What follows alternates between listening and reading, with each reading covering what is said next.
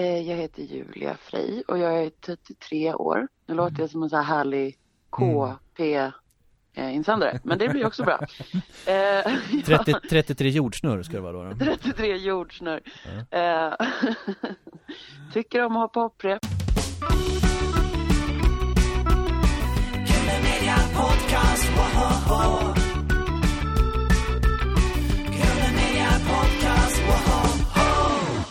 Du lyssnar på Grunden Media Podcast med mig, Carl Magnus Eriksson. Jakob Olsson. Och Erik Jensen. Mm. Ja, vi har en, eh, en gäst på tråden också. Ja, Det brukar vi ha. Vem har vi där då? eh, välkommen Julia Frey till Grunden Media Podcast. Tack så mycket. Välkommen! Tack. Mm. Vad glad att vi fick tag i dig här. Ja, till Äntligen slut. Ja. det, det har varit lite, det är ju väldigt mycket saker som händer nu för tiden som Ja. Gör att man måste boka om och flytta om. Det är väl, det nya ordet är väl att boka om tror jag. Mm. Ja. ja. Det är ju samma. Eller ställa in, Ja, ställa fram. Kanske det. Ja. Ja, det är samma ställa oss. fram. Och vissa saker går inte att ställa fram alls Nej. tyvärr. Men Nej, vi det här har... gick ju att ställa fram. Ja, vi är väldigt flexibla. Sen är vi, så Ja. vi, vi, vi är väldigt måna om att bestämmer vi oss för de här fina gästerna så vill vi ju genomföra det liksom. Men som du sa här, vi har ju haft dig på tal ett bra tag sedan. Sen Ja. du turnerade med Ebbot Ja, Ja. för ett tag sedan. När var det? Det var några år sedan va? Nej, två år sedan. Nej, vi, eller hur var det egentligen? Vi spelade upp första gången för kanske två år sedan. Någonting, eller snart, det kanske är tre år sedan, jag inte, livet går så himla fort. Mm. Men, eh, och eh, hela 2000, slutet av 2019, nej, typ hela 2019 eh, och en pytt, ja, en liten bit in på 2020 så spelade vi väldigt, väldigt mycket ihop. Han och jag Gunnar Frick Ja, som en trio. pedalstil-fantomen. Han är ju... Ja, han är Grym. otrolig på alla sätt och vis och jag och Ebbot behöver ju någon som är man skulle kunna säga att vi har en viss typ av diagnoser och Gunnar har tvärtom diagnoserna. Mm. Och där kompletterar vi varandra. vill du presentera dig själv för lyssnarna i vår podcast, Julia Frey? Ja, det kan jag göra. Ja, Definitivt. Då kör vi från höften då. Mm. Eh, jag heter Julia Frey och jag är 33 år. Nu låter jag som en så här härlig KP eh, insändare, men det blir också bra. Eh, ja. 30, 33 jordsnurr ska det vara då. då. 33 jordsnurr. Eh, tycker om att ha poprep. Nej men eh, jag är väl, jag är låtskrivare och producent och sångerska främst nu för tiden. Har en bakgrund i tv, Mm. tv-träsket på olika vis med på SVT Humor bland annat. Eh, med Kakan Hermansson. Det var så det började lite grann fast jag har skrivit musik sedan tonåren och hållit på med det. Eh, jobbat mycket med barn och nattklubb och jag har varit modell, massa grejer och hållit på. Och nu är det ju covid så att jag förlorade nog alla jobb tre år framåt från april och just nu håller jag på att rädda mitt företag ur pandemin på Ah. olika eh, väldigt Ah. eh, pressade sätt. Eh, och jag eh, eh, hade en huvudroll som Ulla Vinblad i en otroligt stor teateruppsättning som kostade väldigt mycket pengar som hette Bellman 2.0 som var mm. helt otrolig som jag eh, fick lämna två gånger på Uppsala stadsteater och Västmanlands teater eh, i år. Och sen dess har jag mest eh, försökt hitta sätt att tjäna pengar på när min bransch inte får tjäna pengar. Och jag kan ju inte permitteras eller få a-kassa heller för jag är enskild firma. Det är som en rävsax. eh, alltså. Den är jag nu och nu håller jag på och skriver på två album och försöker hålla eh, ett positivt sinne. Mm, nej, jag fattar. Det... Och så har jag ett barn också Ja. som är tre år som heter Emma-Lo. Mm. Eh, som jag bor med en etta på Södermalm i Stockholm. Typ så, Ja. grabbar. Jag såg dig på program med Fredrik Lindström där du tolkade Bellman. Eh, vill du Just det. berätta om detta? Ja, vad kul. Helt lyriskt Ja. heter den. Ja. ja. Helt lyriskt. Eh, det är ett otroligt program. Jag gillar ju Fredrik Lindströms gamla Ja. program där med Ja. värsta språket och det. ja. För jag är historienörd och eh, älskar poesi och det här programmet är ju väldigt, jag är väldigt trött på alla så här kändisprogram. Jag tycker det är så intressant eh, jag tycker det är väldigt intressant med människor. Mm. Och, ehm, och i det här programmet så djupdyker de ju verkligen i poesin och historien Mm. Som var när poesin skrevs. Och det, jag tycker att det har liksom allt. Ja. Så när jag såg första säsongen som ligger uppe så var jag så här, gud vilket drömprogram att vara med i eftersom jag älskar att skriva musik till specifika saker och historia. Och sen när jag blev erbjuden att vara med så mm, blev jag helt överlycklig och eh, de har ju redan haft ganska många poeter i första säsongen och så måste väl alla ha olika poeter och Mm. eftersom jag är rätt insatt i Bellman så blev det Bellman och då valde jag en, eh, en gravdikt som var väldigt vanligt i vår historia. Ja, alltså, Eller mer vanligt än vad vi är nu i alla fall. ja, jag har ju sett programmet där och det var Mm. ju Mm, det, var det, det, det, det, det var ju inte den där lättsamma Bellman kan man säga utan det var, det var tungt och rörande och väldigt vackert Ja, det du gjorde. Han är ju otrolig. Han har skrivit väldigt eh, mycket saker folk inte känner till. Dels saker som alla känner till fast de inte känner till om ni förstår vad jag menar. Till Mm. exempel Ja må han leva. Ja, det är han Eh. som har gjort den. Jajamän. Ah. Och eh, Gubben Noak och. Ja. ja, Fjärilvingen, Marker för skugga, bla Mm. bla bla bla.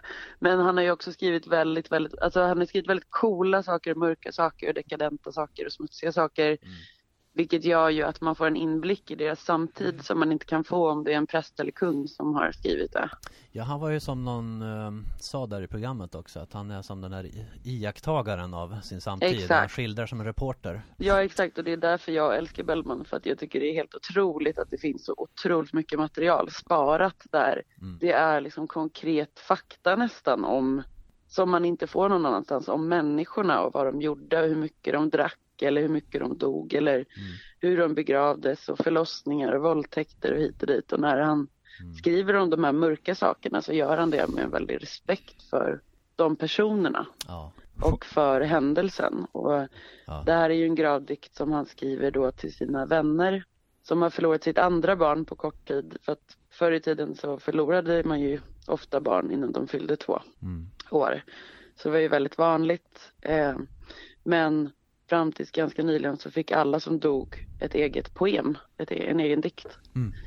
Så Bellman skrev då en gravdikt till den här lilla treåringen som jag tror hette Sofia Ulrika. Mm.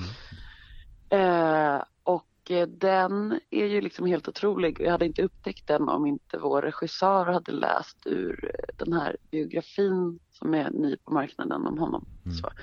Så, då, det var fantastiskt att få tonsätta någonting Bellman skrivit som inte har noter. Det var en ganska mäktig känsla att få göra det offentligt. hur var det att det var med Fredrik Lindström? Hur var han? Jag har träffat Fredrik eh, privat för att han brukar ha en julfest på Nalen Mm. varje år. Eh, jag har träffat honom när jag var med i något program som hette Tror jag ljuger någon gång. Jag träffade honom Mm. också. Mm. Eh, men jag, jag, jag älskar hans intresse för historia och poesi. Alltså jag tycker om att prata med människor som, som har sånt mycket att säga. Där har vi också den här folkbildande. Ja, det är underbart. Han behövs. Ja, ja men han är underbar. Men eh, jag känner inte honom nära men det var jätteroligt att göra. Prata med honom under helt lyriskt såklart. Och han gav mig otroligt mycket kärlek för låten sen vilket jag blev jätteglad för. Han kan väldigt mycket om saker och ting va? Ja, det blir så om man är intresserad av många saker genom livet och gör mycket saker genom livet. Då lär man ju sig saker hela tiden. På vilken teater spelades det in? Där eh, Fredrik Lindström satt i publiken och ni var på matbordet där.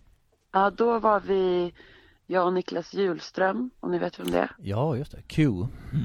Q ja, 'cause I'm burning. Ja. Han, han är ju skådis Mm. eh, och han är teaterchef på Västmanlands teater i Västerås. Aha, just det. Så där. Där var vi med Fredrik och filma. Mm.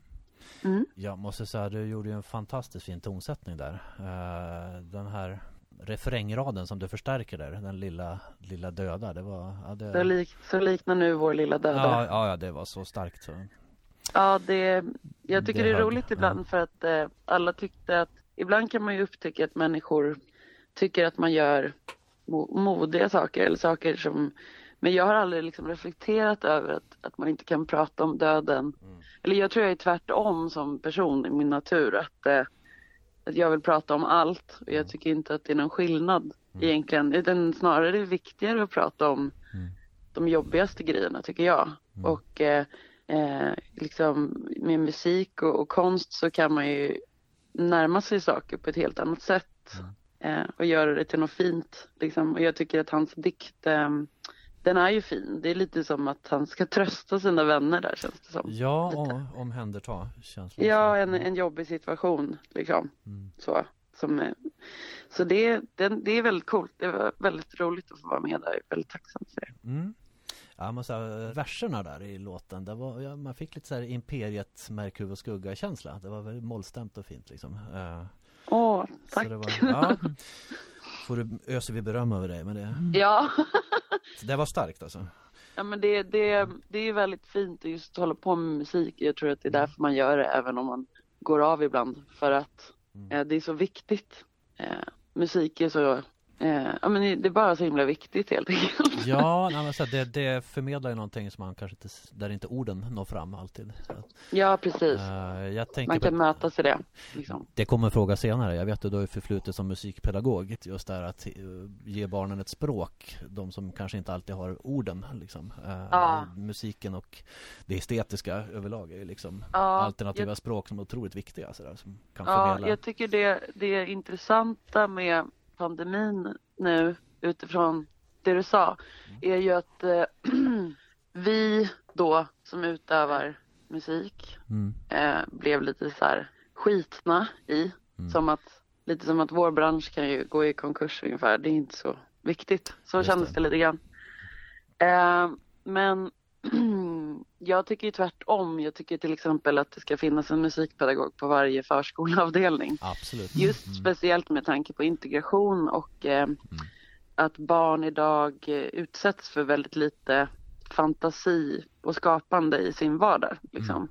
Och att svenskar är ju ganska stela. Att bero på Ja man leva som Bellman har skrivit så är det ju väldigt sällan en svensk ens vill ta en ton när Mm. någon fyller år. Mm. Det liksom sitter väldigt långt inne. Mm. Medan jag tror att man föds eh, helt redo för att liksom lära sig alla instrument i världen. Typ. Alltså barn kan ju lära sig saker hur fort som helst. Det är bara att utsätta dem för det. Ja, Liksom. ja. Och jag började utöva musikpedagogik för att jag tog hand om barn som hade svårigheter av Mm. olika slag. Det Mm. kunde vara eh, missbrukande föräldrar och att de har blivit väldigt tysta eller eh, något handikapp eller eh, alltså jag hade till exempel hand om en kille med en CP-skada en gång Mm. som såklart hade svårt att, att lära sig prata lika fort som de andra och sen så hade vi en pojke som var nyanländ och sådär. Och då upptäckte man ju att om man använder en trumma och kanske lite roliga färger och en diskolampa så kan alla de tre sjunga Lilla Snigel fast Ja, de kan visst. inte säga snigel. Nej. Men de kan kan- lära sig språk och kommunikation via musiken hur lätt som helst och så funkar barn. De funkar ju Mm. genom lust och fantasi och det tror jag man tar bort från barn mycket i Sverige. Jag tror väldigt många skulle lära sig spela instrument och utvecklas och bli gladare om det fanns mer musik och musiker i liksom, Ja, absolut. rörelse. Absolut, och inte tappa den här lusten när man blir vuxen heller. Jag tror väldigt många i det här landet är ett antidepp för att de inte Mm. lever ett kreativt liv. Eh, Julia Frey, vilken är din egen Bellman-favorit? Oj, eh, jag har tänkt på det förut. Mm. Eh, jag har ju några favoriter i pjäsen som tyvärr, jo men man kan kolla lite på musiken. Jag var så bitter när vi spelade in, Mm. vi spelade in en eh, liten konsert i en studio som finns på Youtube, Mm. Bellman 2.0, jag vet inte vad den heter men ja, det kanske står i Västerås eller något, jag vet Mm. inte. Eh, så där kan ni lyssna på låtarna sen. Ja. Och, av, av de låtarna jag gillar eh, mest i pjäsen var det nog eh, likt som en härdinna Mm. Och igår såg jag ditt barn. Mm. Mm. Det är Pistel 28. och sen så tyckte jag att vår version av Märkvår skugga är väldigt mäktig. Den där musiken Men- är ju så tidlös tycker jag. Liksom- Ja, och sen Ja. Niklas Julström sjunger Akte min moder som en Ja. chef också på otrolig, alltså det är otroliga versioner just i Mm. pjäsen för det är så arena mm, rock typ. Alltså, det, den här pjäsen vill man ju se. Eh, Ja. är, det så, är det så att den ligger på is? Kommer ni att plocka upp den igen? Nej men det Eh, tråkiga är att ja. det som jag har upptäckt nu i pandemin är folks okunskap om eh, saker och ting. Alltså typ lite så här. För det första så är det ju väldigt mycket saker som helt och hållet tas bort från start. Alltså typ som pjäser som Mm. Har kontrakterade människor efteråt på samma teater eller att, alltså, att ofta så skådisar, artister och musiker etc. har ju oftast kontrakt någon annanstans efter en spelperiod. Eh, och det går ju inte att bryta och sen att behålla, nu, nu är det helt kört för Bellman. Vi skulle ha spelat i januari.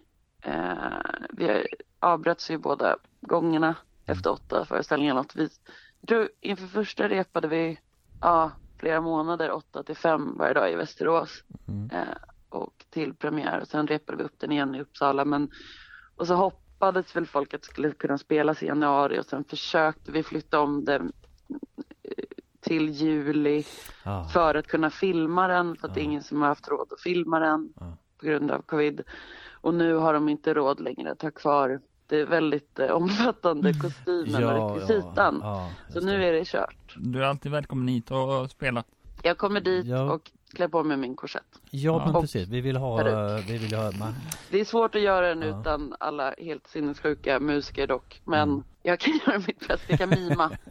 men favorit Bellman-låt var de ur, ur den. Ja. Och eh, jag lärde mig eh, Bellman genom såklart Epistel 28, Märkor och skugga bara för att jag lyssnade på Thåström när jag var liten. givetvis. Ja, det är en Men, klassisk eh, tolkning. liksom- Mm. Ja, min plastfarsa hade en eh, Bellman-notbok så det var lite Mm. så jag lärde mig spela gitarr. Julia Frey. Ja, Nu på lördag ska de ha ett program om, på TV4 för att rädda musiken. Eh, Ska du vara med där? Är det en gala där? Ja, en Jaha. gala. ja det är Sarah Dawn Finer och Martin Stenmark som leder det. Mm. Ja, Så tror jag att det var jag såg på typ Instagram om First det. Aid Kit och sånt som ska Ja. med va? Ja, massa artister för att rädda mas- musiken eller Ja, nej de har inte frågat mig vet du. Alltså, Vad är det här? Ja, det kan, ja, men då, eh, vi skickar en liten påminnelse där tycker jag. Det är inte för sent. Men nej. Nej, du... jag, jag kan hoppa in om någon får symptom. Ja. ja. du kan komma hit. ja, ni är ju i Göteborg, jag älskar Göteborg. Ja, du är alltid välkommen hit. Jag brukar Ja. åka dit och gömma mig. Jag gjorde det på julafton. Ja, På julafton, okej. Ja. Jag Här, älskar att bo på hotell Pigalle så åkte jag till Ja. Göteborg och tillbaka över jul utan att ens ha varit i närheten av en annan människa. Kommer man hit över jul då, då blir man ju vindpiskad och så kommer det sån här snett regn som regnar in i näsan. Så man, man glömmer liksom att det är jul kanske. Det är inte det. Ja, jätteskönt. Ja. Hur är vädret i Stockholm just nu? Nu ska jag kolla ut här vet ni. Det är snöar och Oh, är oj. väldigt kallt. Eh, Igår var det så här snö plus regnstorm med slask. Men idag är det tillräckligt kallt så det ser ut som en slags Disney-jul Oj, utanför. Ah, till och med på Hornsgatan. Nu På är det söder. Odenplan. Är det på Odenplan? Okej, just det. Mm. Eh, Vad är dina artistdrömmar, Julia Frey? Ja, jag tror att jag redan i skolan eh, höll på, jag höll på jättemycket med dans på en relativt hög nivå för att vara barn Mm. när jag var liten och gick i kör eh, och eh, gick teater i skolan och eh, jag tror att det kanske var i högstadiet när jag skolkade väldigt mycket Mm. som jag, eh, ja, jag, jag kunde sjunga men jag var lite så här ointresserad av det för att vi sjöng så mycket musik som jag kanske tyckte var tråkig Mm. Mm. eh, och fick ofta stå bakom de coola tjejerna och köra typ. Ah, just. En Anki Bagger bakom Lili och Susie. ja, exakt. Eller typ hon som, är, hon som anses vara för tjock för att stå på scen bredvid E-Type. som bara Nana Hedin. Vad heter hon? Nej, Ja. Nina Söderqvist. Vänta nu. Nu ska jag inte... eh, Jag var hon i skolan. Ah, okej. Ja. Nej men alltså. Den riktiga nej, stjärnan ska jag säga. Ja. Nej men jag, jag vet inte. Jag vet bara att det var. Jag ville så otroligt gärna hålla på med det där redan när jag var barn. Och en, en rolig parentes på det var att eh, jag, jag, vi gjorde så stora musikaluppsättningar med dansen eller skolan och sånt just för att vi var rätt många som gillade showbiz. Mm. Så kom jag liksom ihåg att de populära tjejerna de fick ju vara så här Snövit och Mm. Askungen och sånt. Men typ när vi gjorde Askungen så fick jag vara den där eh, tjocka musen som är lite korkad. Som Eh, sitter har på den en... äran? Ja, han var jag. Det var min replik. Ah. Ja, men, och sen, Ja. ja, men man ville ju vara typ antingen den elaka styvmodern för att Mm. det är roligt att spela. Eller Askungen såklart, när man var barn. Så kommer jag ihåg när vi gjorde Snövit, då fick jag vara eh, ekot i brunnen. Åh, oh, Ja, en stark roll ändå. just det. Utanför Alltså, bild när hon då, men, sjunger- eh, ja, Hon sjunger ju ner i brunnen, Ja. ni vet, Disney-filmen. ja. Och så ska jag svara då. Mm. Eko. Men det har ju gått bättre nu, förutom att jag förlorade min första huvudroll här 2020. Jag är ändå glad att jag inte var ett eko i Bellman. Jag fick eh, utmana mig själv den här gången. Så. Men Mm. jag har alltid eh, hållit på och dragits väldigt mycket till konst och musik och teater sedan jag var barn och eh, lämnade väl dansen när jag upptäckte fest och gitarr istället. Mm. Liksom. Mm. Eh, och just att, eh, men, men det har varit en väldigt bra grund att eh, ha dansat och sjungit i kör och eh, sånt. Så jag upptäckte väl det när jag var barn och någonstans har jag väl alltid vetat att jag inte kommer ha ett vanligt jobb. Det kanske var därför jag också inte gjorde läxor och så. Mm.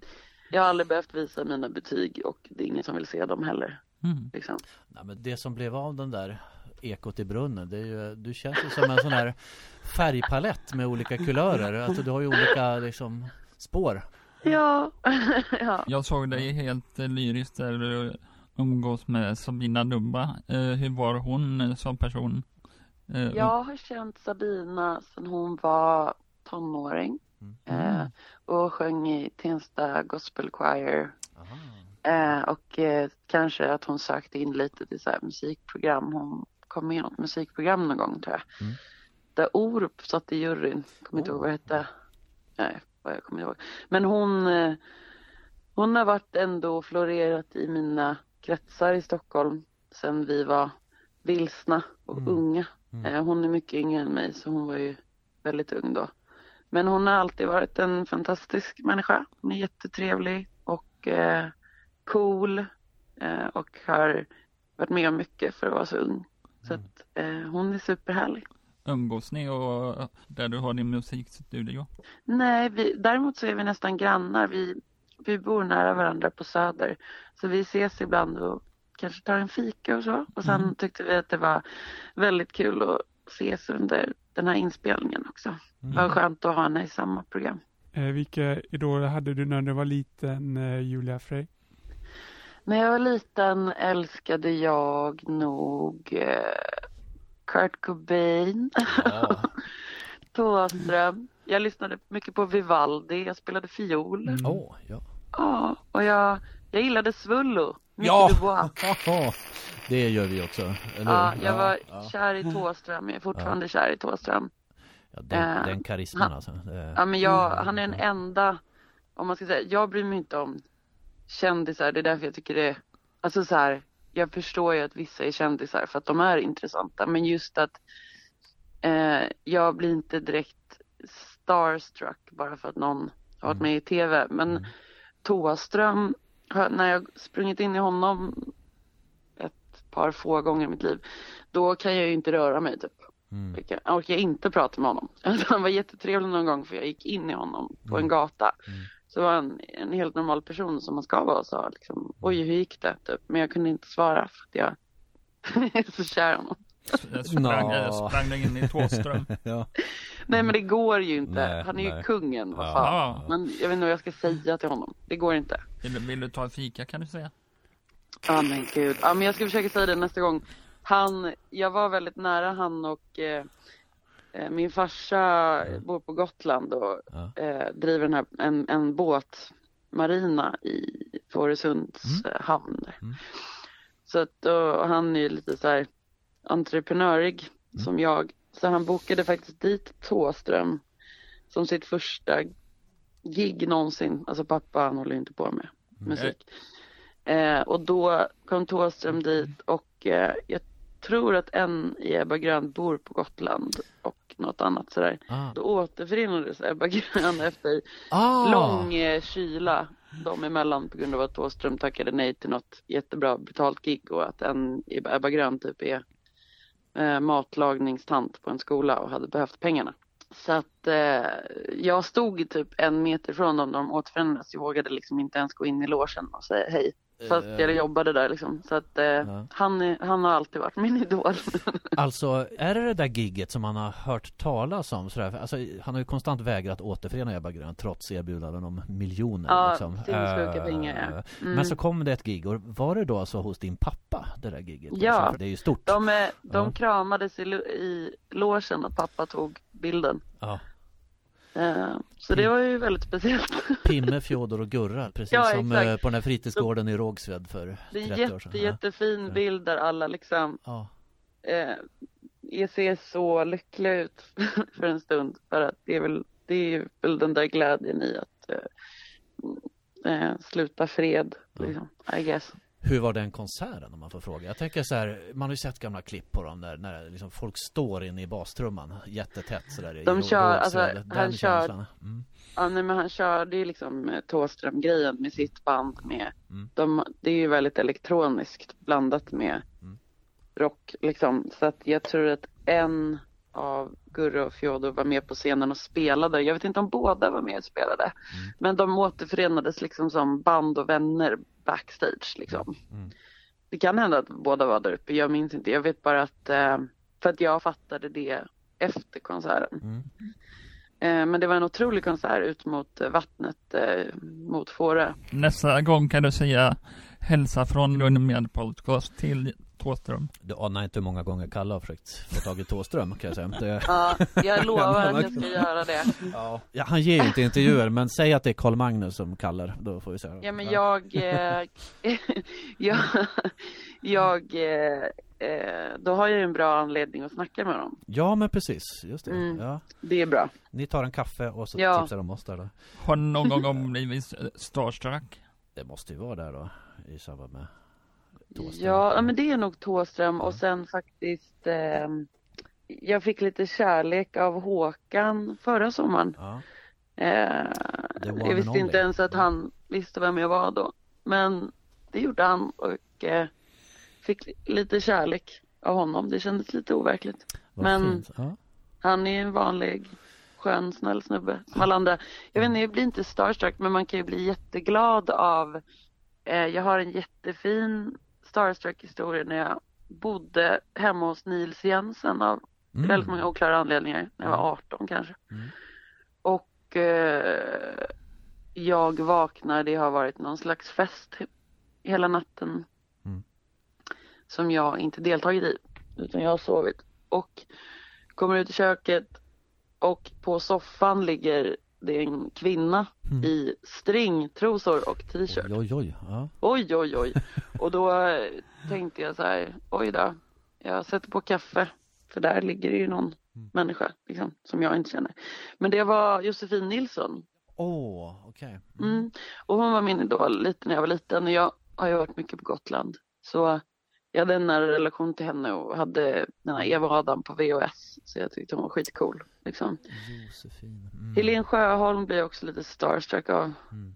Men Josefin Nilsson och jag rökte massa cigg och drack kaffe och spelade Mm. musik med varandra och hon sa åt mig att eh, jag måste släppa mina låtar. Eh, många av dem har jag inte ens släppt än men jag, ska, jag håller på att spela in dem nu. Mm. Och en av de låtarna hon gillade ska jag också spela in nu. Så att jag minns att då är jag starstruck på ett väldigt fint sätt. Hon var ju helt otrolig. Liksom. Hon, hon är så smärtsamt väldigt saknad, cool. Alltså. Ja, ja. Eh, Mm. Var sitter du och spelar in dina låtar någonstans?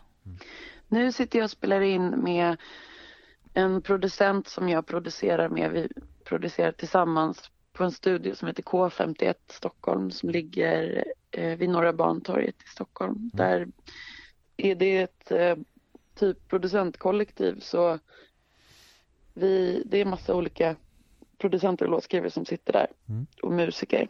Eh, så det kan vara allt ifrån eh, Darin till Melissa Oj. Horn eller så. Mm. Får du hälsa från oss? Naturligtvis. Jag ska hälsa från er. Jag tänkte på inspirationskällor där. Mm, När jag hör dig sjunga, det är en otrolig kraft och pondus i din röst. Alltså jag tänker Ja. lite Marie Fredriksson. Var det en förebild så? Eh, Ja, jag fick ju eh, faktiskt hedra henne i TV4 när hon dog och sjöng Sparvöga. ja visst. Eh, Eh, så jag, eh, jag har ju växt upp ändå med hennes röst på radion. Mm. Jag föddes 87. Mm. Så det har ju ändå varit eh, absolut en inspirationskälla. Mm. Jag tror jag låter lite som henne ibland. Liksom. Men det blir ju lite så med allting man har hört liksom hela sitt liv ju. Mm. Eh, det kommer man ju inte ifrån. Mm. Att, eh, så jag, jag tror att eh, om man lyssnat mycket på typ rockgenre, soul och blues och samtidigt växt upp på 90-talet så har man ju också fått ja, Eva Dahlgren och Marie Fredriksson och Ja. eh, alla skrikande singer-songwriters och sånt. Så, eh, jag tycker det är jättekul att utveckla min röst och jag gör det hela tiden och börjar väl hitta ett sätt att sjunga på som jag Mm. trivs med. Liksom, man kan göra så mycket med rösten. Mm. Eh, och jag gillar främst att sjunga live. Så. Men efter att hon dog så har vi eh, börjat spela, eh, sjunga henne lite live. Mm.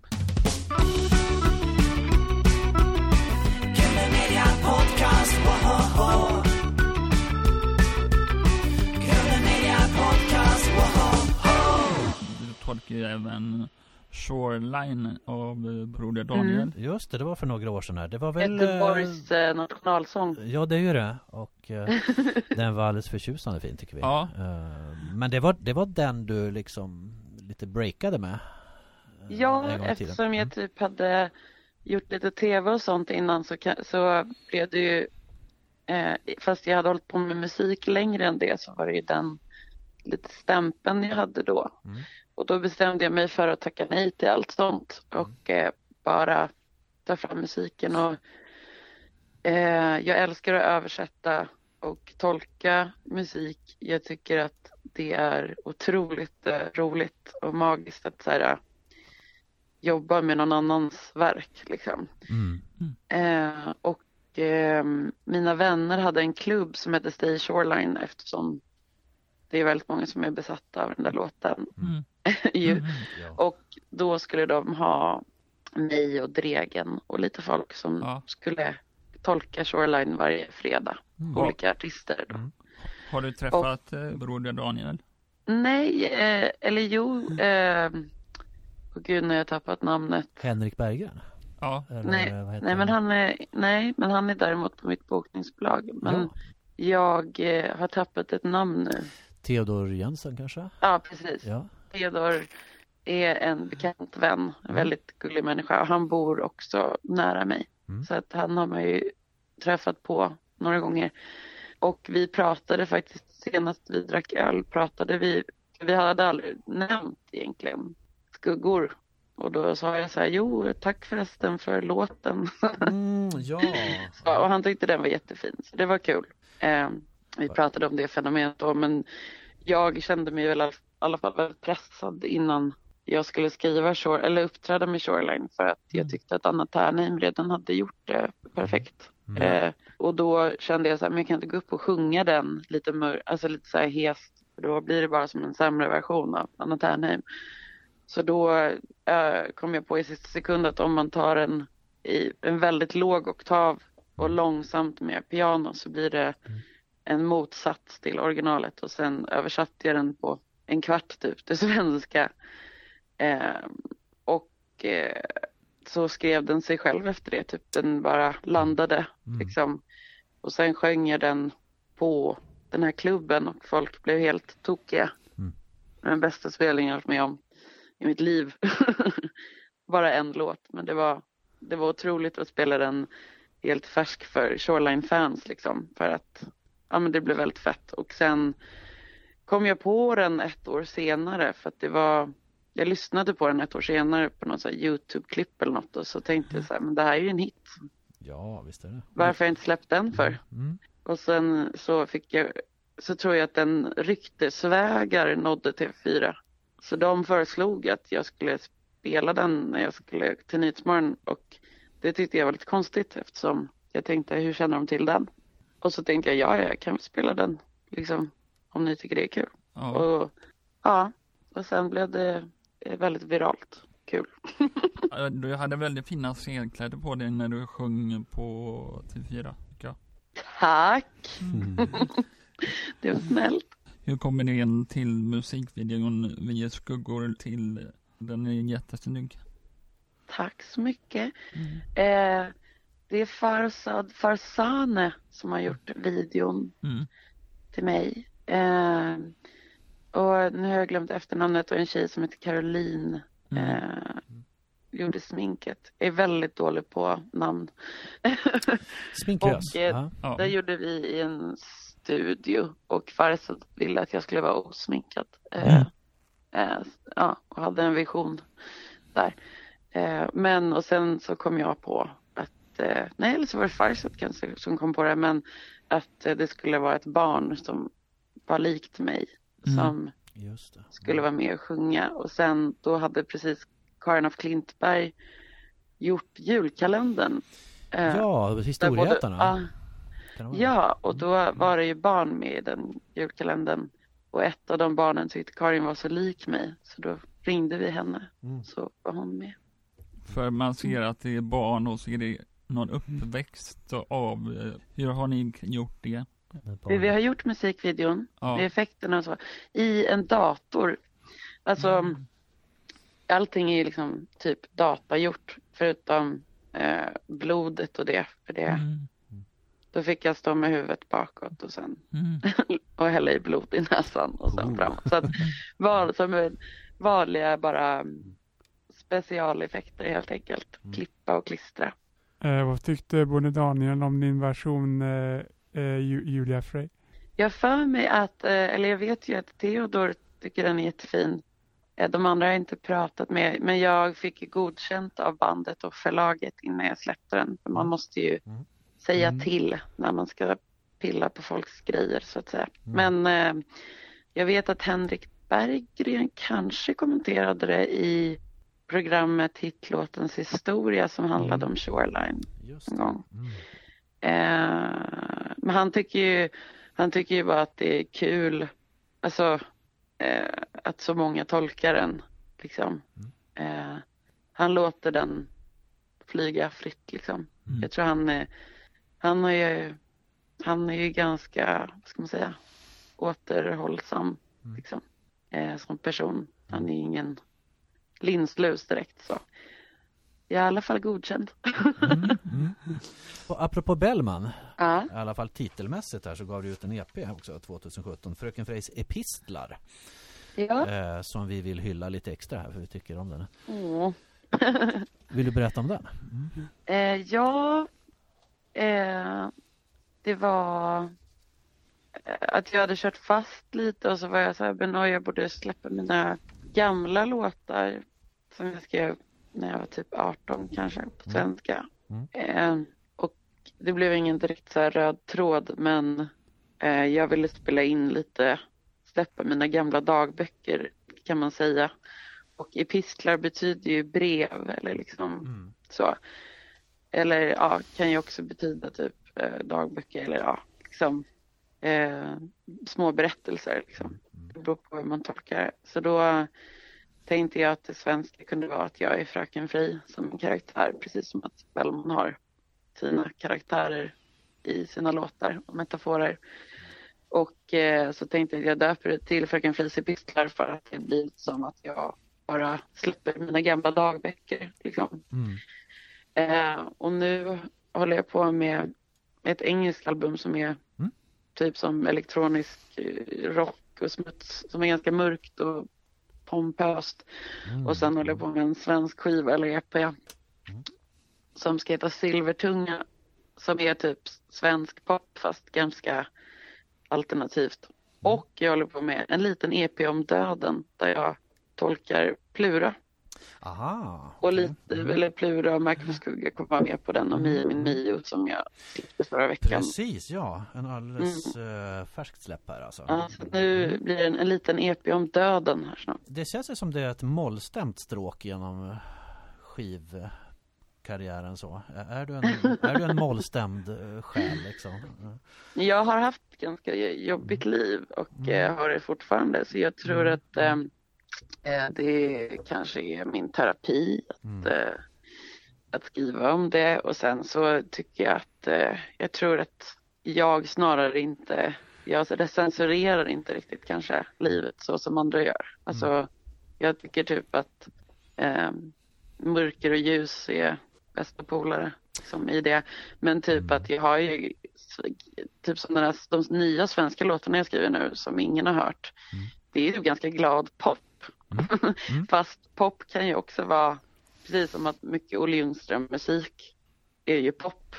Eh, liksom. Mm. Alltså att pop eh, så det är jättekul att skriva nu lite på ett annat sätt som inte är mörkt men där det kanske liksom snarare gömmer sig något mörkt i texterna. Liksom. Absolut, när det blir lite så här dynamik skapas genom kontraster. Ja, och jag gillar ju liksom alltså allt ifrån black metal till, ja men jag gillar ju såklart vemodig musik. Eh, eller musik där man går från dur till moll på ett smart sätt liksom. Mm. Som både Cornelis och Ja. ja, väldigt många är bra på. Så att eh, sen har det blivit några låtar, typ som Blomstertid släppte i somras en version. Den handlar ju om liv och död och den uppkom på grund av att en person dog, alltså min version. Och eh, Mio min Mio handlar ju om en fosterhemspojke som dör på en bänk och sen hamnar i, sitt, i sin drömvärld. Liksom. Eh, och eftersom Märk och skugga handlar om en begravning och Huvudet högt handlar om Buras döda mamma. Och sådär, Ja, alltså. så blev det liksom ett gäng låtar om döden med bleka blad från lyriskt. Så Mm. nu är det många projekt här så att, eh, jag hoppas att något av projekten gör att jag kan snabbt åka ut på turné sen när man får. Ja, det här vill vi... Du kan betala vi- hyran va? Ja, jag fattar. Just det. det, här, det och det här kan vill komma vi gladeligen betala din hyra för känns det som. Gladeligen låter ju fel i det här sammanhanget. Men, men Ja, Jessica Frey? Kalle, Eller, nej, Julia Frey. Julia Frey. Vi har en liten elstöt så här med Ja. micken varje gång Kalle säger fel nu. Så. Eh, Ja, är du lika bra på att laga mat som eh, Jessica Frey på TV4? Ehm, ja, Jessica är ju min lilla syster Ja. och Ja. hon, hon är otrolig på att laga mat. Hon har, Mm. brinner ju verkligen för, för det. Liksom. Mm. Och hon har skrivit typ 10 kokböcker och är 30 bast. Liksom. Men jag är också jätte, jättebra på att laga mat. Vi, vi växte upp med att man lagade mat hemma. Eh, Mm. farmor lagade mat. Vi var mycket hos henne och mormor. Och, eh, vi har växt upp med lagad mat och lärt oss att laga mat när vi var barn. Så ja, jag är väldigt bra på att laga mat men jag är absolut inte lika eh, kunnig och passionerad över mat som min syrra. Jag kan också ha en vecka där jag bara käkar ägg för att jag inte har tid att äta typ. Eh, jag är inte jättebesatt av mat liksom. Alltså man skulle vilja se era Ja. familjemiddagar så här. Det är Ja. systrarna vid spisen och så eh, Thåström och gänget i trädgården som Ja spelar. men det är precis, det, det är liv i luckan Ja, och bra mat underbart. helt klart. Det är det. Ska vi säga något mer om Mio min Mio? Du har gjort en förtjusande version. Eh, det känns som, ja, det är det här tempot det ska vara. Ja, ja, det var ganska fint. Jag är ju rätt besatt av Astrid Lindgren. Mm. Eh, och eh, det kanske är därifrån, eller liksom det där du nämnde med den mörka tråden. Ja. Nej, men att hon skriver ju väldigt mycket om, om som vuxen när man läser hennes böcker förstår man ju mörkret mycket Ja, tydligare. Men hon har skrivit om så att barn mest ska ta till sig det ljusa i dem. Alltså det Hon, hon viker fantasifulla. inte från ämnet. Eh, verkligen. Utan hon är Nej. någonstans rätt fram bakom det där fantasifulla. Precis, och som vuxen så kan man ju förstå vad som står mellan raderna. Ja. Alltså liksom så. Ehm, och det tycker jag är väldigt coolt. Men ehm, jag spelade Mio min Mio för mina bonusbarn när jag skulle natta dem någon gång för två år sedan eller något. Eh, och då tog jag bara något ackord för att bara kunna sjunga den. Spelar inte någon roll vilken tonart eller så. Och så tänkte så när jag sjöng den så där långsamt ehm, och mörkt och inte ljust eh, så tyckte jag att den blev så otroligt eh, smärtsam. Mm. Som att texten kommer fram på ett annat sätt. Och, eh, sen så gjorde jag och Erik Holmberg den där produktionen på typ en timme tror jag. Och det är en one take på sången för jag var väldigt ledsen Ja, den dagen. Eh, så att vi har faktiskt inte kunnat pilla så mycket mer på den än vad vi har gjort. Och sen har folk velat att jag ska släppa den för att de har hört den i kanske när jag har mer inom video på Instagram eller sådär. Det är vi tacksamma för att den Ja, kom ut. vad bra. Jakob, kommer du ihåg vem som gjorde Mio med Mio? Vilka som gjorde Mio med Mio i Eh, originalet? systrarna Glenmark. Systrarna, ja, just det, Erik, nej, Karin och Anders Glenmark. Ja. ja, Vad kallades de då? Kommer du ihåg det? Gemini. Gemini ja, det var typ 87, 88 Ja. kanske, 86 ja, där. och det är Benny Andersson som har skrivit den. Ja, det är Benny. Eh, är det Björns text tror jag? Björn Ulvaeus som har skrivit texten? Jag vet inte, eller om det är Astrid Det som har skrivit Astrid. texten. Ja. Kanske. Eh, vad har Astrid Lindgren betytt för dig, eh, Julia Frey? Um, jättemycket. Jag har alltså, läst väldigt, ja, av det mesta hon har gjort, även sådana här lite Mm. sorgligare noveller och sånt. Mm. Ehm, och jag växte upp med de här filmerna när man hade VHS så kollade man ju på varje film 800 gånger per dag typ. Eh, Ja. så att eh, det har nog påverkat mig väldigt, mycket. Hela min högerarm är vildvittror och Katla och hit och dit. Vi skulle ju säga det. Du har eh, själva Astrid också, vet jag. Ja, det har jag. Mm. När hon är 20 och eller något sånt där. En bild från då när hon inte fick träffa sin son ju. Han var ju i Just. Danmark. Ja, Lasse. För att det var ju då en bastard. Eller vad det heter. Eh, så det är ju sorgligt. Om du inte vore musiker, vad skulle det vara då? Mm, skådis. Det är hon ju redan, får vi säga. Du har ju alla Ja, de där det sant. strängarna samtidigt. Okej, Du är som om väx- jag- om jag växelbruk. inte- Ja. Om jag inte jobbade liksom inom kultur. Mm. För att eh, jag älskar ju alltid, alltså, eller att skapa konst eh, hit och dit. Mm. Eh, ja, men då skulle det väl vara att jobba hela tiden med välgörenhet, alltså med barn och eh, Mm. så. Typ vara lärare eller musikpedagog i något sammanhang, typ Röda Korset eller så. Jag jobbar lite med sånt, men om jag inte gjorde det här på heltid, vilket är ju drömmen att få göra Mm. såklart, Mm. så hade jag nog jobbat liksom ideellt heltid. Jag läste ju en grej om dig som värmde så otroligt. Du jobbade musikpedagogiskt med flyktingbarn i Grekland Mm. eh, under flyktingkrisen. Ja, eh, Sandra Nordin är en eh, Mm. gammal räv i musikbranschen. Hon, hon har alltid varit typ agent etc. till Ja. Kent. Jag känner igen namnet. Vi har nog skrivit till henne på mail när vi har sökt. Ja, hon Mm. har jobbat med Kent och Robin och så hela sin karriär och Mm. jobbar även på Blixten, bokningsbolaget, Mm. produktionsbolaget. Och hon är fantastisk på många sätt och eh, vi är vänner från musikbranschen. Och eh, när Kent slutade och eh, Robin försvann ut i världen så började de jobba med lite andra grejer och intressera sig för eh, ideell verksamhet på det sättet. Och så var ju fly- flyktingkrisen Mm. och eh, vi var ju många som kände att det kanske vinklas lite konstigt Mm. vad som hände där borta. Eller det är inte långt borta ens, det är i Grekland. Eftersom det är många som kommer dit, flyktingar. Eh, och då följde jag med henne dit med en organisation som heter IMU. Det finns ju väldigt, väldigt många organisationer som jobbar där. Och det är ganska kaos. Eftersom om inte organisationerna fanns där så hade bara folk dött där ute Ja. hur mycket som helst. Eftersom EU-bidragen etc. inte riktigt landar på något obehagligt sätt på flyktingarna. Nej. Eh, alltså våra pengar då. Men så jag åkte dit för att kolla själv vad som händer där. För jag kände någonstans att det vet inte vi här i Sverige. Mm. Och det gjorde vi inte heller, Nej. upptäckte jag. Eh, och nu är det ju värre än någonsin. Det Ja. var dåligt då också för att jag tror att det svensk, svenska största problem är att så här, vi fraktade ju vapen åt Hitler och, och slapp uppleva krig. Mm. Men vi har ju också blivit ganska bekväma Mm. och tror att världen är god på något vis. Ja, just det. Eh, eller att det, ska, att det inte försigkommer eh, tortyr.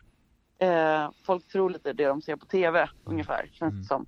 Och eh, det folk inte fattar är att trafficking är den största slavhandeln Mm. någonsin i mänsklig historia. Det försvinner så mycket barn och speciellt eh, när inte barnkonventionen följs Mm. eh, och pengarna inte landar just på att skydda dem. För att alla som inte har ett personnummer eller ett pass är det ju bara att ta. Ja, just det. Du kan inte polisanmäla det. Du kan inte söka vård om du inte har ett personnummer och etc. Så det är, det var väldigt viktigt att komma dit och träffa de här människorna som alla pratar om som flyktingar och eh, förstå vad det är som händer och vad, vad det innebär. Så att jag var där och eh, i två läger den gången. Jag tror det finns, alltså det finns så mycket läger i Grekland, Mm. speciellt nu. Det är hur mycket flyktingar som helst liksom.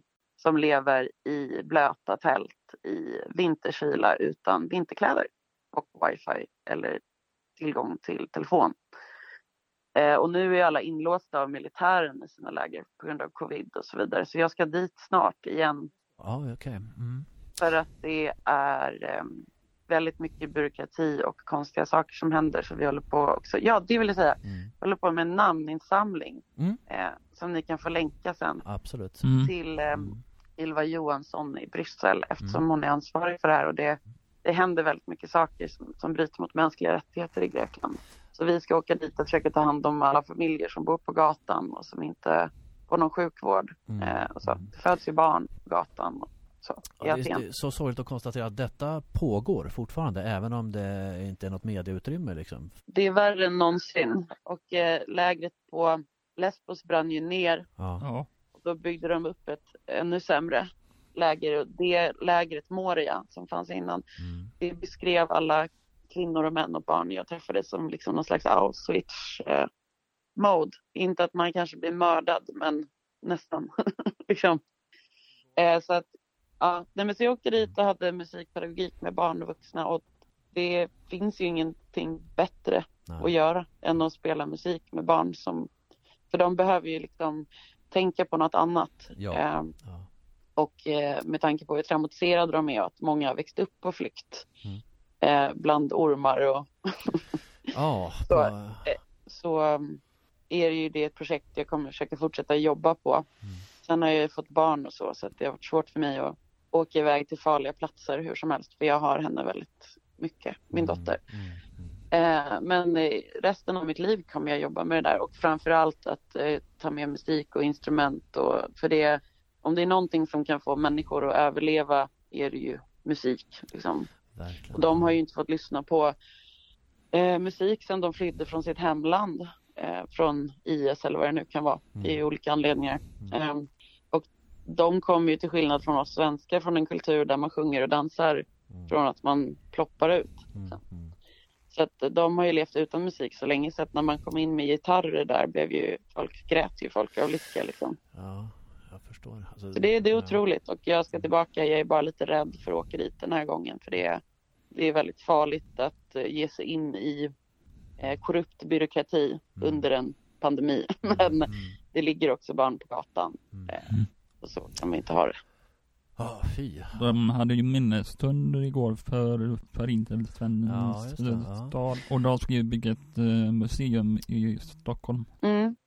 Vet ni vad jag tycker att de ska göra istället för att bygga det museet? Nej.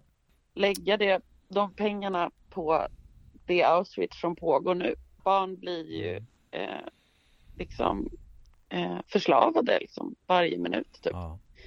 Eh, det pågår redan ett Auschwitz framför våra ögon och det är Mm. ingen som bryr sig om det. Nej. Och man får jättegärna bygga det museet för det är så viktigt för judehatet är ju jättestort just nu. Det är många brott mot, eh, eh, hatbrott mot judar Mm. och hot mot eh, judar och eh, det är bara en klassisk utveckling av den rasismen som vi har sett. Och istället för att Ja. prata om andra världskriget tänker jag att vi kanske ska prata om alla som är nu i fångenskap under sådana, alltså liknande omständigheter och att rasismen är jättestor nu, Ja. När vi lever nu. Liksom. Eh, Kent Visti, satirikern som gjorde ett inlägg igår att han hade Ja, han är rolig. Ja, han är fantastisk. Han hade citerat på den där förintelsens eh, att vi får se till att det, vi ska se till att det aldrig händer igen. Men han sa att det händer ju också. Då. Ja, det gör ju det. det. händer fort. Det, Och jag kan tycka Det att det är lite pågår. Mm. obehagligt när folk pratar om någonting och inte nämner att det händer nu. Man tror att det behövs en snubbe i mustasch och snedbena för att det ska eh, karaktäriseras som pågående. Ja, liksom. men jag, jag tycker det, jag tycker det är det är rätt obehagligt för Ja. det bevisar att, att media är rätt korrupt. Mm. Eh, eller liksom inte vågar eh, riktig journalistik. Mm, Vi vill jättegärna länka till den här namninsamlingen. Eh, Ja, För den, är liksom, den kostar Ja. ju ingenting. Det handlar bara om att Ylva Johansson ska svara på tre frågor. Mm. Jag kan läsa upp frågorna så att Mm. era lyssnare, det är väldigt kort. Vi se. Vad gör Grekland med EU-bidragen det tilldelats under flera år? Frågetecken. När kan människorna i det nya stora lägret på Lesbos förvänta sig ett värdigt boende? Mm. Frågetecken. Vem säkerställer att barnkonventionen följs på plats? Vem kravställer att de mänskliga rättigheterna uppfylls för människorna på flykt? Mm. Och sen har Eva skrivit, eh, Eva Andersson på Helping Hands. Mm. Efter att ha varit verksam i Grekland sedan 2015 där jag verkat för en mer mänsklig vardag Mm. så behöver jag nu all hjälp jag kan få för att kräva svar från våra politiker. Mm. Och det är det vi jobbar med nu, att eh, eh, vi inte får något svar enkelt eh, kring EU-bidragen och det är ju liksom, det är ju våra pengar. Så att det borde intressera varenda svensk vad våra politiker Mm. har för översikt på EU-bidragen. För det är ingen idé att skicka pengar någonstans om det inte går till rätt ändamål eller ordning och reda. Liksom. Så det är det den handlar om. Jättebra att det riktas sökarljus mot det här. Som Ja. har försvunnit från löpsedlarnas... eh, Folk bryr sig typ mer om influencers frukost idag än mänskliga rättigheter och det känns lite tråkigt. Jag har en fråga till er. Varsågod. Yrsa Chow och Hanna Nilsson är ju mitt band. Ja. Jag har fler musiker men vi jobbar ihop och skriver ihop de som var med i Helt Lyrisk. Mm. Eh, de jobbar med daglig verksamhet sedan många år. Åh, vad kul. Ja. Mm. Ja, och Hanna, Hanna utbildar sig nu eh, pedagogiskt också Mm. eh, för att ja, fortsätta med och då har ju då de både liksom varit typ assistenter åt privatpersoner men Mm. jobbat inom daglig verksamhet med musik och skapande och dans och sådär. Och jag tyckte det var väldigt intressant eh, och jag vet inte vad ni har för erfarenhet av det men när covid smällde till så var det ju ingen direkt som tänkte på de gamla och kanske inte heller då på er. Nå, För att mm. eh, tydligt, alltså, här i Stockholm i alla fall så kom ju politikerna på rätt sent att Mm. om covid sprids på daglig verksamhet Mm. Så kanske inte ens vissa av de som deltar där kan uttrycka symptom eller Mm. förstå Mm. vad covid är Mm. och att det liksom inte fanns någon, någon bra verktyg i alla fall här i Stockholm till att skydda Mm. och informera att det liksom glömdes bort lite grann. Det har du ju sanning i, absolut. Det är ganska intressant för att jag pratade med en kvinna som har bott i Spanien som är svensk Mm. som är här nu som hade en frisörsalong och eh, Mm. i Spanien fick ju alla på dagen gå från sina jobb. Mm. Men i Spanien så blev personalen kvar på äldreboendena Ja. och är fortfarande kvar där. De får inte gå ut. Aha, okej, de är isolerade på... Ja. Ja, för att rädda de gamla. Ja. Det var det viktigaste. Och det det. blev jag otroligt rörd av. För att Mm. det jag upplevde här i Sverige så här, ett, så har ju, jag har jobbat inom äldrevården. Mm, Det mm. har aldrig varit bra. Nej. Kanske, kanske när Sverige hade jättemycket pengar. Men Ja. det är nästan ingen som vill jobba med det för att det är sån personalruljans och dålig lön och villkor och sådär. Mm. Och jag tycker att det är ganska hemska saker som har visats upp om Sveriges så kallade eh, ja, sociala politik. När, om just till exempel just att de bara eh, kom ju på väldigt sent just det där med att just det, daglig verksamhet och sådana Mm. saker Mm. Eh, borde ju liksom varit först på listan eller att Ja, äldreboenden stängs eller så. Ja. Just här hos oss har vi har ju klarat oss oförskämt bra. Mm. Nu vet jag inte hur många som egentligen har haft covid där, men vi har haft så här tre konstaterade fall. Jag är ett av dem. men, Ah, okej. men, men, men jag förstår precis vad du pratar om. Ja, att säga, vi- mm, De svagaste i samhället, eller man ska säga sköraste, mm, oavsett om det liksom gäller funktionsvarierade eller nyanlända barn Ja. som inte kan få vård eller ja. hemlösa och det blir ju så extra tydligt att så här, Där står vi med byxorna nere i Sverige. Tycker Ja, jag. Alltså precis. mattan dras undan och där... when the shit hits the fan. Ja, och att eh, det inte fanns någon tanke på hur gör vi med de här människorna som är mest utsatta utan Ja. mer så här, alla ni som kan jobba hemma gör det. Mm. Så det är som att allt handlar om den övre medelklassen som målar allt i vitt liksom.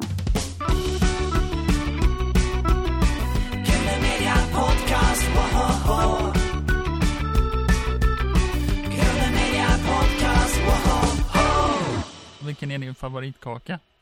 Ehm, hmm. Alltså jag äter verkligen typ aldrig kakor, men jag älskar min mormors eh, hallongrottor. Gott. Ja. De är goda vet ni. Det ska vara mormors hallongrottor, sa du? Ja. ja exakt. För de är inte samma. torra, de är så sega. Ja. Mm. Ap- apropå kakan så har Jakob en väldigt passande följdfråga här. Blir det mer projekt med Kaka Hermansson, eh, Julia Frey?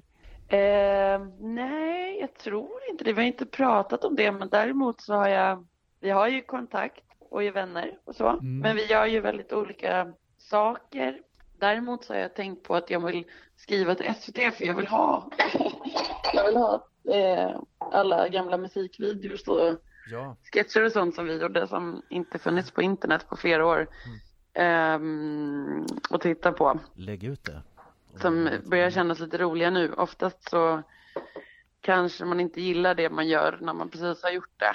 Det är det klassiska gamla självhatet och att saker kanske inte blev som man ville. Men. Mm. ja, men nu känns det liksom jättekul och, och för att när vi började göra TV så var det ju på SVT Play Humor och då var det ingen som kollade TV på internet. När var detta? Kan det vara tio år sedan någonting? Eller Ja, men typ ja. 2009, 2010 Ja, det. eh, som vi började spela in det och då, då var det ju lite så här, ja men mm, 200 spänn i budget typ och ehm, ja man ska vara med på TV. Fast inte på TV utan på internet. Så vi tänkte ju inte att det skulle bli någon vidare succé. Eh, På tal om internet eh, så har jag en fråga till dig. Eh, Hur hinner du lägga upp så mycket texter på eh, Insta-stories? Eh, Har jag sett. eh, Det gör hon För inte. Jag, jag har ADHD. Ja, där har vi det. Och, ja, eh, så- För jag, jag, har, jag har sett att andra gör det också på eh, så här, din stories. eh, Så gör andra också det. Jag eh, tror att det är väldigt stor skillnad på vad man Mm. orkar göra på internet och inte. Jag är väldigt privat på det sättet som jag vill. Så jag blandar privatliv och eh, mitt, eh, ja, min business kan man säga. Men jag, Mm. jag har alltid fotat och filmat sedan jag var liten och eh, Mm. skrivit dagbok och sådär. Så för mig är det bara ett så här kreativt eh, sätt att föra dagbok på nästan. Jag tycker att det är kul och allt man tycker är kul går ju väldigt fort att göra. Apropå lu- luststyrdheten. Vi. Ja. Ja, men vissa människor får ju typ panik av att behöva eh, typ ens lägga upp ett inlägg. och tycker att så här, det är en stor grej. Och för mig som är född 87, jag hade nog 14 olika communities innan, långt innan Facebook. Eh, så att för mig är det liksom helt naturligt bara. Lunarstorm. Jag hade Lunarstorm, helvetet.org, eh, Playdate, Hamsterpaj, skunk.nu, helvetet.org, bilddagboken.se. Du har ju betat av hela det där. Lodis hette något också. Men eh, Julia, Ja. eh, på din händelse, hur får du att eh, lägga upp så mycket texter? Hur hur gör, hur gör du det? Det, är- ja, men Bara jag, gör. eh, jag är otroligt snabb. Mm. Eh, jag skriver väldigt fort. Eh, Jag kan skriva typ tre låtar på en timme om jag är inspirerad. Och ehm, när jag, eh, både när jag mår bra och dåligt har jag liksom behov av att skriva och fota och filma. Och jag, jag tycker väldigt mycket saker och, och eh, brinner väldigt mycket konstant på gott och ont. Eh, och ibland är jag jätteintrovert och vill bara vara i fred och inte synas eller höras alls. Men för det mesta så är jag väl nog väldigt mycket en ADHD-person. Att eh, ja, jag liksom, jag är väldigt snabb, tänker väldigt snabbt. Man ska ha det som en tillgång tycker jag. Det, alltså, det, jag kan säga vad det gäller konstnärsvärlden och den typen av diagnoser av olika slag. Det, du är inte ensam. Jag, jag, Nej, nej, exakt. jag, försöker, Det- lära, jag försöker lära mig det liksom, Ja, eh, ja. lägga upp det på din händelse och så, Ja, och så skriva texter så, Ja. du, så, så du kan ge, lära mig Karl Magnus vill göra som du. Är inte så att man ska ha tillräckligt många följare för att kunna få tillgång till här specialeffekter och sånt där? Eh, Du får jobba lite där, Kalle. Då. nej men jag tänker jag får, jag får ju träffa Carl Magnus i Göteborg så får jag igenom en Ja. storylektion. Nu har du lovat det. Så Ja, när du kommer hit så får du lära mig. Du har ett förflutet som fotomodell. Hur var den tiden, eh, Julia Frey? Det var mm, det slappaste jobbet jag haft. nej men, det är ju bra pengar för att Mm. bara stå och glo, Mm. tycker jag då. då.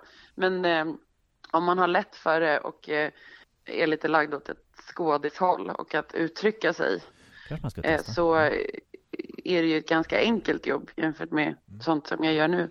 Mm. Men ehm, jag började nog som en där lite vanlig modell och Mm. sen när jag slutade banta så blev jag ju någon slags Mm. eh, plus size modell fast det är lite roligt nu tio år senare när man kollar på de bilderna eftersom jag är Mm. storlek 38. Eh, och att eh, plus size modeller idag är ju typ storlek 44. Mm. Mm. Då var jag en jättestor modell, men det skulle jag inte kunna jobba som nu, för nu är jag för smal för att vara en stor modell. Tror jag. Men att eh, det var mycket fokus på, på vikt. Nej, men det var, det, var, det var nog en bra träning att jobba som mo- modell, för du Mm. måste göra jävligt jobbiga saker framför kameran. Typ. Mm. Och det måste man ju göra sen, så det botade min scenskräck lite, Mm. som jag alltid haft. Mm. Så.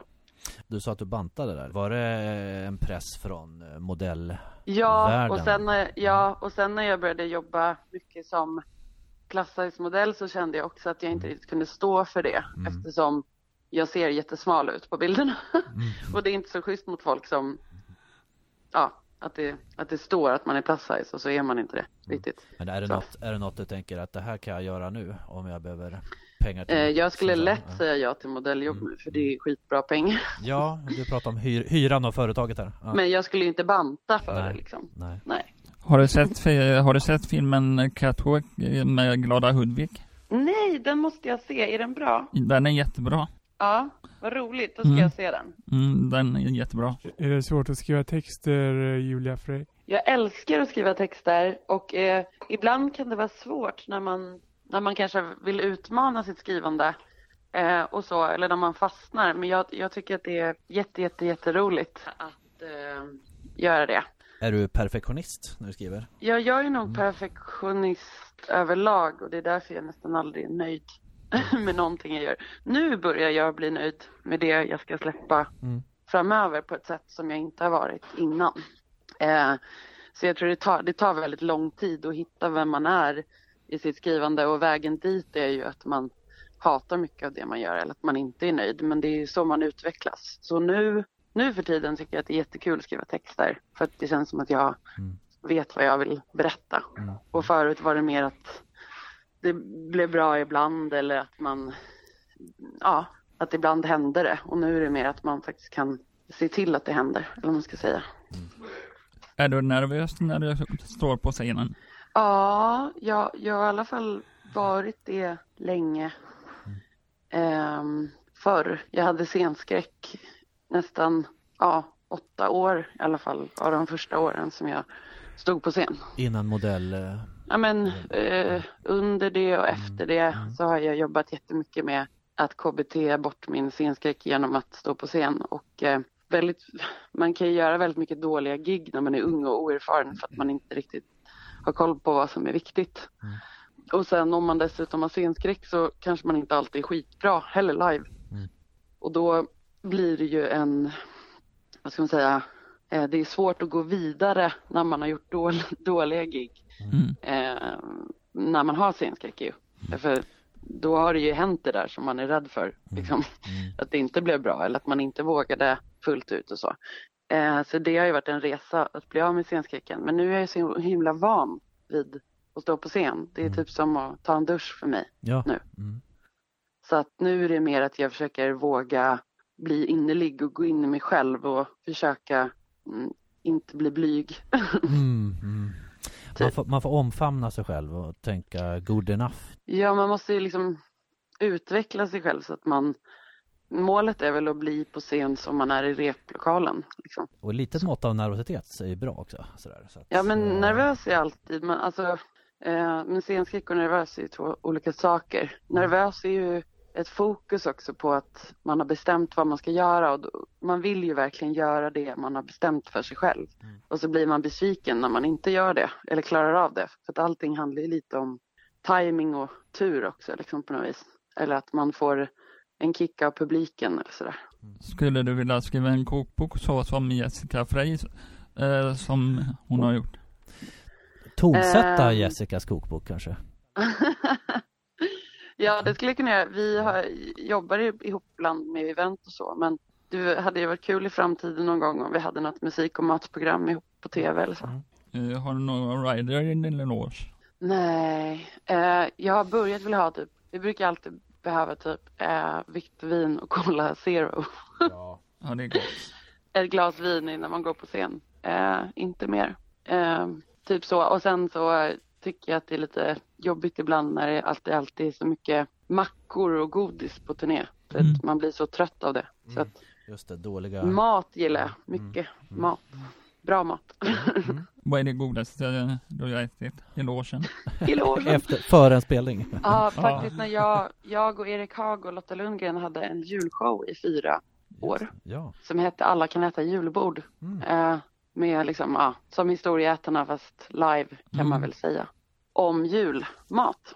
Eh, och då var jag deras husband som Lucia då Mm. och spelade mellan sketcherna. Och då var vi ganska länge, eller vi hade väldigt många spelningar en gång på, vad heter det, Artipelag i Nacka Mm. i Stockholm.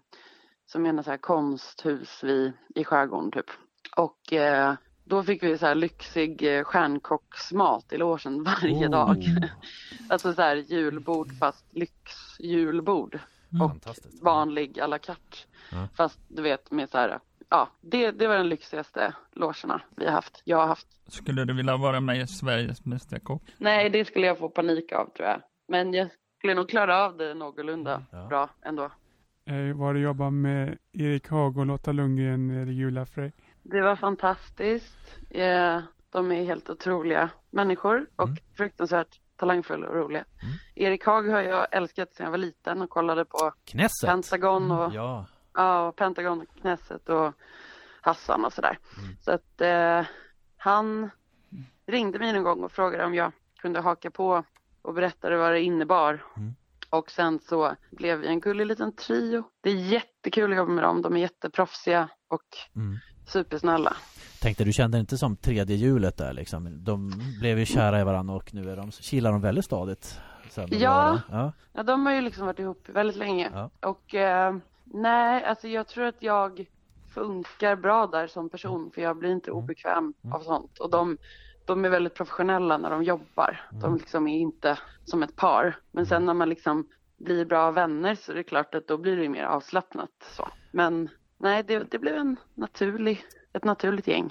De är fina alltså. Det är- tillhör den här kategorin folkbildande TV som jag tycker vi behöver Ja. mer än någonsin. Alltså, så att det, Det är också Karin af Klintberg som Ja, är språket och allting. producent. Karin regisserade även våran julshow. Ja. Mm. Okej. Vad lyssnar du på för musik på din Spotify just nu, eh, Julia Frey? Hmm. Eh, jag måste nästan gå in och kolla det. Men jag, jag lyssnar väldigt ofta på vissa låtar jättemånga gånger i perioder. Det är någon störning jag hör. Det är fullt normalt ska jag säga. ja, men det är väl det. Så kanske jag också liksom, om jag fastnar för någonting så är det ju oftast någonting jag tar med mig in sen i, i musik. Just nu lyssnar jag mycket på Monica Mac, eh, Dolce, ett svenskt band. Eh, en skiva de gjorde för två år sedan eller tre som heter Av liv och grönska. Eh, och sen lyssnar jag mycket på Robin och Röyksops låt eh, Monument, tycker jag är episk. Eh, och jag, jag är också lite gammal så här rockgubbe så jag lyssnar på Queens of the Stone Age och sånt. och när jag, när jag är hemma lyssnar jag typ på jazz för att slappna av. Så. Känner du Robin? Nej, det gör jag inte. Vad är du mest stolt över? Eh, I mitt liv eller karriär? Det får, det får du välja. Ja. Hmm.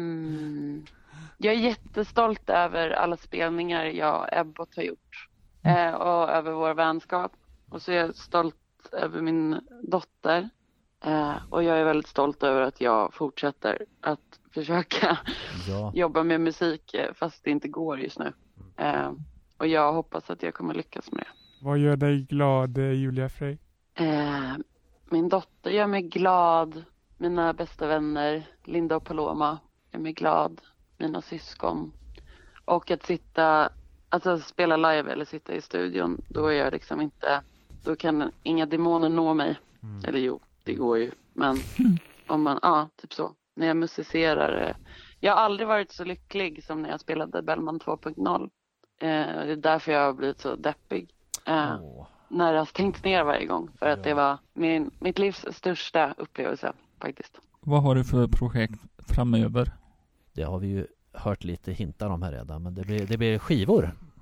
Och det är nog eh, eh, att eh, spela in mina, min nya musik. Mm. Eh, och att förmodligen dra igång min gamla podd Julia Frey Unplugged. Ja. Mm. Eh, och göra en ny säsong. Mm. Eh, där man då eh, spelar live unplugged i avsnitten och Mm. djupdyker i musik. Så det är inte liksom något kändisprogram Nej. utan snarare musik så. Och sen ja, helt enkelt försöka ha tid och råd att få allt inspelat i år så att man Mm. förhoppningsvis, och så har jag tänkt att jag kanske ska signa med något skivbolag också eftersom Mm. det är tuffa tider så att säga. Och komma till Göteborg. Ja, och komma det, till Göteborg. Jag det kräver Göteborg. vi. Jag älskar Göteborg. Jag åker ofta dit. Kom, spela för oss, drick kaffe med oss och njut av vårt sneda regn upp i näsan, får vi säga. Jag tycker det är skönt i Göteborg. Ja. Eh, Jag är ju född i Stockholm och Mm. är några generationers stockholmare. Liksom. Men jag tycker det är skönt att komma härifrån. Mm. Då kan man liksom, jag vet inte, det är bara skönt att vara i Göteborg. Det, kän- det är mindre stressigt där och folk är lite mer jordade kanske. Mm. Något sånt. Lite mysigare. En tendens som jag vet skiljer Göteborg mot Stockholm det är att här hinner man gå över gatan innan den gröna gubben slår över till rött. Det gör man inte i Stockholm. Aha! Och här, och som stockholmare blir Ja. man ju nästan alltid mördad i Göteborg av spårvagnarna. Ja just det, jajamän. Det är Så jag vet aldrig vart de ska komma ifrån. får man eh, fråga vad Mm. din podd kommer att heta? Den kommer heta Julia Frey Unplugged. Den har redan gått i två säsonger som Mm. tyvärr inte ligger upplagda. Så att, eh, först ska jag ladda upp gamla avsnitten och sen ska jag börja producera nya. Och eh, Mm. att jag ska göra så mycket i år är ju för att jag har förlorat alla pengar Mm. någonsin i pandemin. Vi kommer att följa den. Tack! Ja, Och vi kommer att följa dig. Ja. Vi, vi omfamnar dig och ditt, läng- ditt brinn. Tack! Eh, och vi, kunde vi betala all hyra på... Vi ditt länkar till podden och till... Eh, Ja, podden, jag kan, vi kan göra det sen när den kommer Ja. upp. Den är inte uppe än. Och sen eh, hoppas jag att jag kommer hinna klart med allt trots att man inte får jobba med symptom och så. Det gör ju Mm. också att alltså, hela inspelningsprocessen är ju väldigt komplicerad nu när, med restriktioner. Liksom. Men eh, jag hoppas att det kommer gå vägen. vi har några som heter Fem snabba till Julia Frey.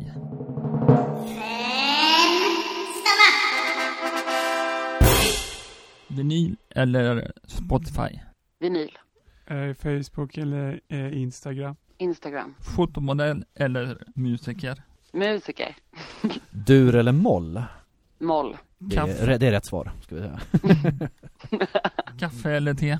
jättesvart starkt kaffe, brygg, baljor. Det ska inte blandas ut med mjölk eller annat blask. Nej! Det får du när du kommer hit.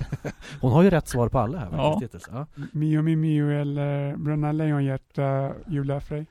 Hmm. Oj, vad svårt. Ja, men det blir nog Bröderna Lejonhjärta, Mm. boken. Mm. Den är ju, jag kan dock inte riktigt läsa just de böckerna längre för det är så fruktansvärt. Mm. eh, det där i början när Skorpan ligger sjuk och i princip döende ensam i karantän. Ja, det, det är ju så drastiskt. Ja, och att han är den mindre bra brodern ju. Ja. Eller liksom att hans storebror är någon slags lokal kändis som Mm. hjälper alla och så. Och sen när huset börjar brinna hoppar ju Jonathan ut med skorpan ur fönstret för att rädda honom som egentligen redan var döende. Och då tyckte ju folk att fel lejonhjärta dog eller vad det var. Jag kommer inte ihåg. Men det är väldigt jobbigt att läsa i alla fall. Den inleds sådär också. Det är verkligen ett slag i magen liksom direkt. Mm. Mollberg eller Ulla Vinblad? Ulla, Ja, min Ulla. ja. Och så om du får ställa en fråga till Janne Josefsson, Mm. vad skulle det vara i så fall? Om han skulle kunna eh, ta ett möte med mig och Eva Andersson om varför EU-bidragen inte går till flyktingarna i Grekland och varför det är ingen som kan svara på det. Om han kan hjälpa oss att göra ett, eh, eh, ett gräv. Det är ju klockrent. Mm, det... kan ni fråga. Han får Ja. gärna ringa mig. Tack så jättemycket för intervjun och eh, välkommen till eh, Grön Media. Ja, tack så himla mycket för att vi fick Mm. prata med dig. Det var jättemysigt att prata med er. Tack för att ni gjorde mig på bra humör. Ja, Mm. vi, Ja. nöjet är helt på vår sida. Du gjorde oss på fint humör också. Vad bra. eh, Ha en vi- jättefin dag. Så Ja. All, ja, detsamma. gång. Pepp och och eh, kram och lycka till ja. med kulturen. Tack så mycket. Hej då. Hej då. Hej. Hej då. Podcast, whoa, whoa, whoa.